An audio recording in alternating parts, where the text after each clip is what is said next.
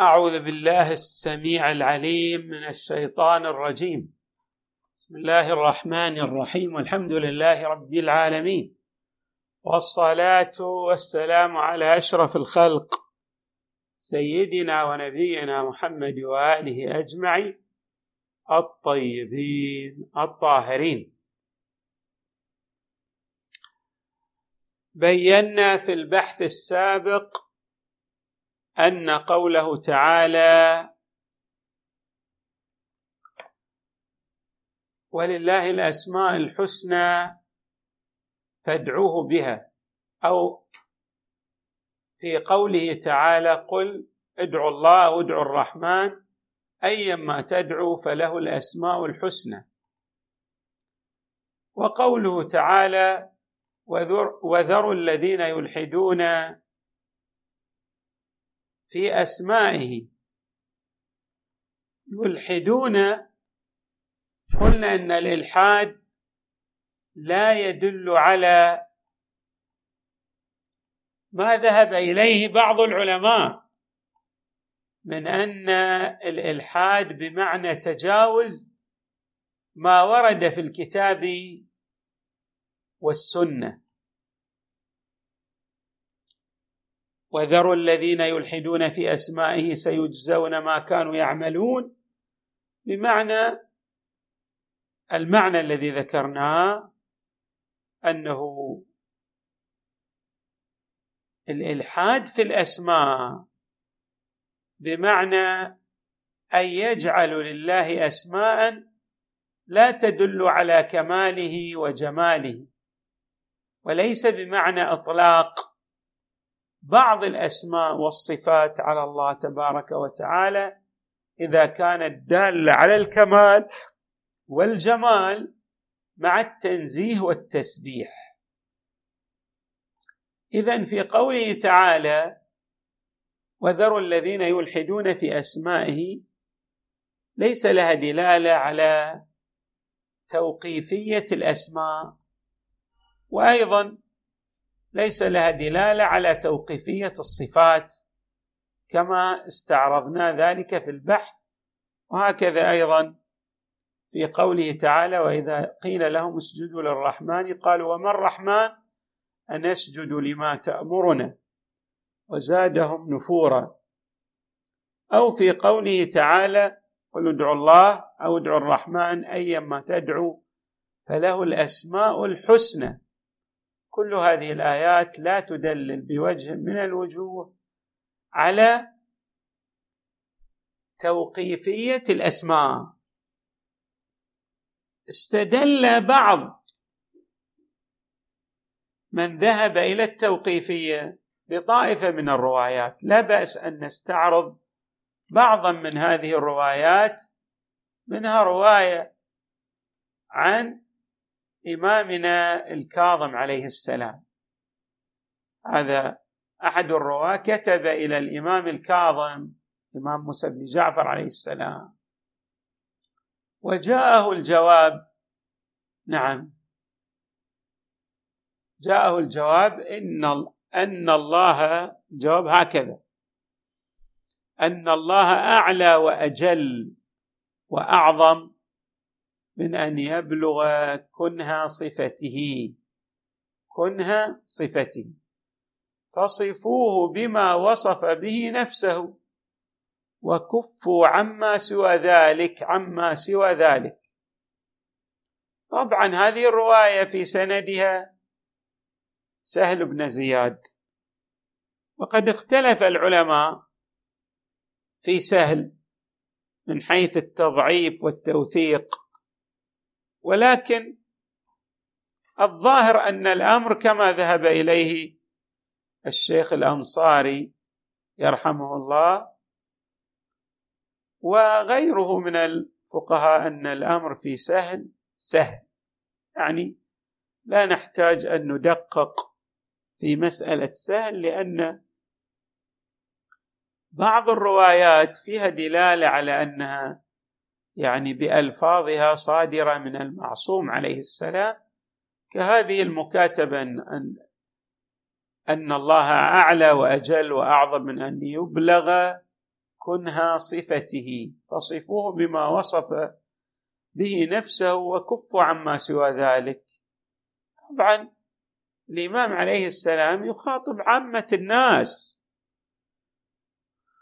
يعني حري بغير العالم أن لا يطلق أي وصف على الله تبارك وتعالى وأن يأخذ بما ورد بالكتاب والسنة. ولكن العلماء وأهل الفضل الذين بلغوا مبلغا من العلم ويطلقون عليه مثلا بعض الأوصاف أو بعض الاسماء مع التنزيه. الظاهر أن ذلك لا إشكال فيه. يعني الرواية ليست في مورد الحصر. وممكن أن يفهم هذا المعنى الذي أوضحناه من خلال الجمع بين الروايات عنهم صلوات الله وسلامه عليهم أجمعين. أيضا رواية ثانية عن المفضل عن أبي الحسن عليه السلام الكاظم.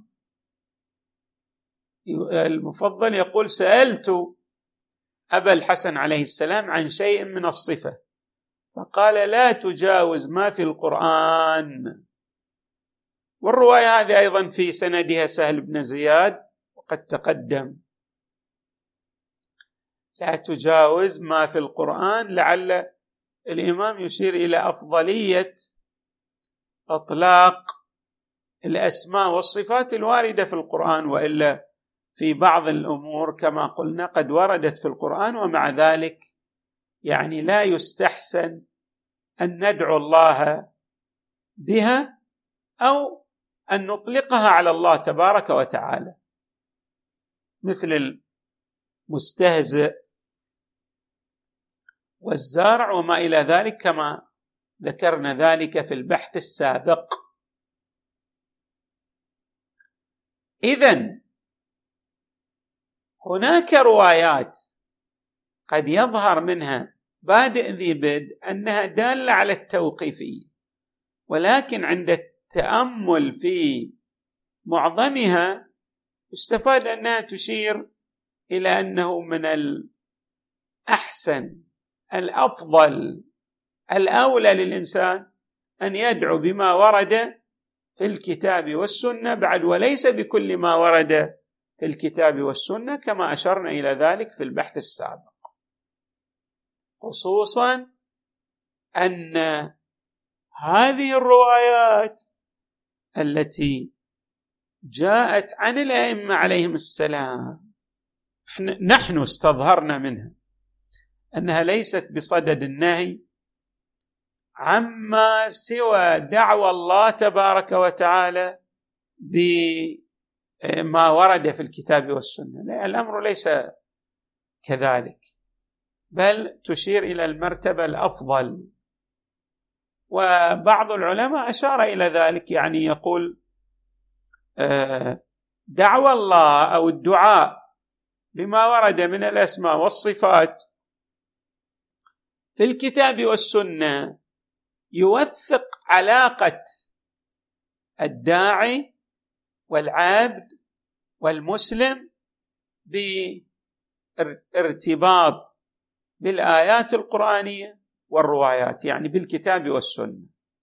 نعم هناك رواية أيضا عند العامة مروية عن النبي. هذه الرواية رواها الحاكم وابن حبان وغيرهما أيضا أو أيضا جاءت في مسند أحمد. تقول الرواية هكذا دعاء للنبي وأسألك بكل اسم هو لك سميت به نفسك أو أنزلته في كتابك أو علمته احدا من خلقك أو استأثرت به في علم الغيب عندك. هل هذا الدعاء يعني نفهم منه بادئ الأمر حتى وإن كانت الرواية صحيحة على المباني على مباني العامة. هل هذه الرواية دالة على التوقيف؟ لا. عندما نتأمل في هذه الرواية نجد أسألك بكل اسم هو لك. كل اسم هو لك. سميت به نفسك أو أنزلته في كتابك. أو علمته أحدا من خلقك أو استأثرت به في علم الغيب عندك. يعني ما تقول إنه هذا أسألك بكل اسم هو لك سميت به نفسك. سميت به نفسك يعني الله له أسماء كثيرة سمى به نفسه. لكن بعضهم بعض هذه الأسماء أنزلها في كتابه. بعض بعض هذه الأسماء علمها بعض خلقه. بعض هذه الأسماء استأثر به في علم الغيب عنده. يعني ف لا بأس أن يكون من تعليمه للخلق ما يصدر من الأسماء والصفات التي لم ترد لا في الكتاب ولا في السنة ولكن دالة على كمال الحق تبارك وتعالى مع قرنها. أو اقترانها بالتنزيل. فنحن أيضا لا نفهم من هذه الرواية الدلالة على ماذا؟ على يعني توقيفية الأسماء والصفات. نعم قد يدعى وجود إجماع على ذلك. يعني الإجماع حجة. لكن من الواضح أن الإجماع حجة. أي إجماع؟ هذا واضح أنه إجماع مدركي يعني مستنده معروف. فهم العلماء من هذه الروايات الدلالة على التوقيف والظاهر أن هذا الفهم يعني قابل للمناقشة القوية. يعني هذا الإجماع خالف فيه بعض العلماء ومن الواضح أن يعني مخالفة هؤلاء العلماء دليل على أن هذا الإجماع وإن كان لدى القدماء.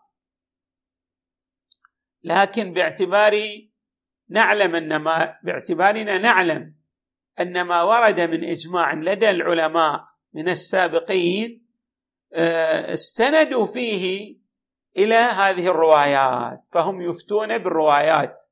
ونحن من خلال الجمع بين الروايات يعني توصلنا إلى أن هذه الروايات لا يراد بها التوقيف. فلا نرى من بأس في إطلاق نعم آه إطلاق بعض الأسماء التي لم ترد في الكتاب والسنة والشرع على الله تبارك وتعالى مع تنزيه الحق عن ماذا؟ آه يعني في حال إطلاقنا عليه اسم كإطلاقنا مثلا عليه علة العلل. نقول سبحان الله تبارك وتعالى يعني نسبحه. عن أي نقص؟ لأن أي صفة نطلقها لابد أن حتى الصفات الواردة في الكتاب والسنة. طبيعة الإنسان يدركها بمداركه المحدودة. والله تبارك وتعالى لا حد له. ولعل ذلك تشير إليه رواية واردة عن إمامنا الباقر. آه عندما يعني سئل عن هذا المعنى عن التوحيد فقال السائل أتوهم شيئا؟ فقال الإمام نعم غير معقول ولا محدود. ستدرك أن هناك وجود مطلق ليس له حد وعقلك لا يدركه. ثم قال الإمام فما وقع وهمك عليه من شيء فهو خلافه. لا يشبهه شيء ولا تدركه الأوهام. وعقب الإمام كيف تدركه الأوهام وهو خلاف ما يعقل؟ يعني ما يصل العقل إلى إدراكه وخلاف ما يتصور في الأوهام. إنما يتوهم شيء غير معقول ولا محدود. يعني نتوهم وجود حق مطلق لا نستطيع أن نصل إليه بعقولنا وليس له حال.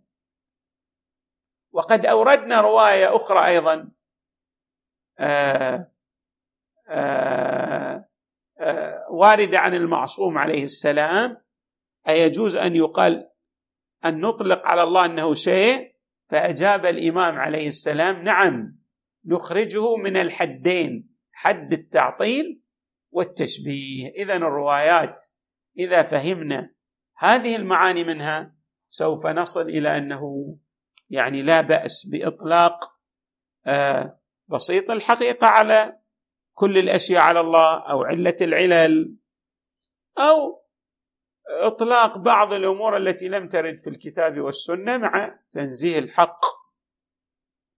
تعالى عن الإحاطة والنقص وإدراك العقل له خصوصا أننا نطلق هذه الأسماء من باب إيصال المعاني. والأسماء يعني لها حدود ضيقة لا يمكن أن تحيط بوجوده. الحق تبارك وتعالى الذي لا حد له. صلى الله وسلم وزاد وبارك على سيدنا ونبينا محمد وآله أجمعين الطيبين الطاهرين.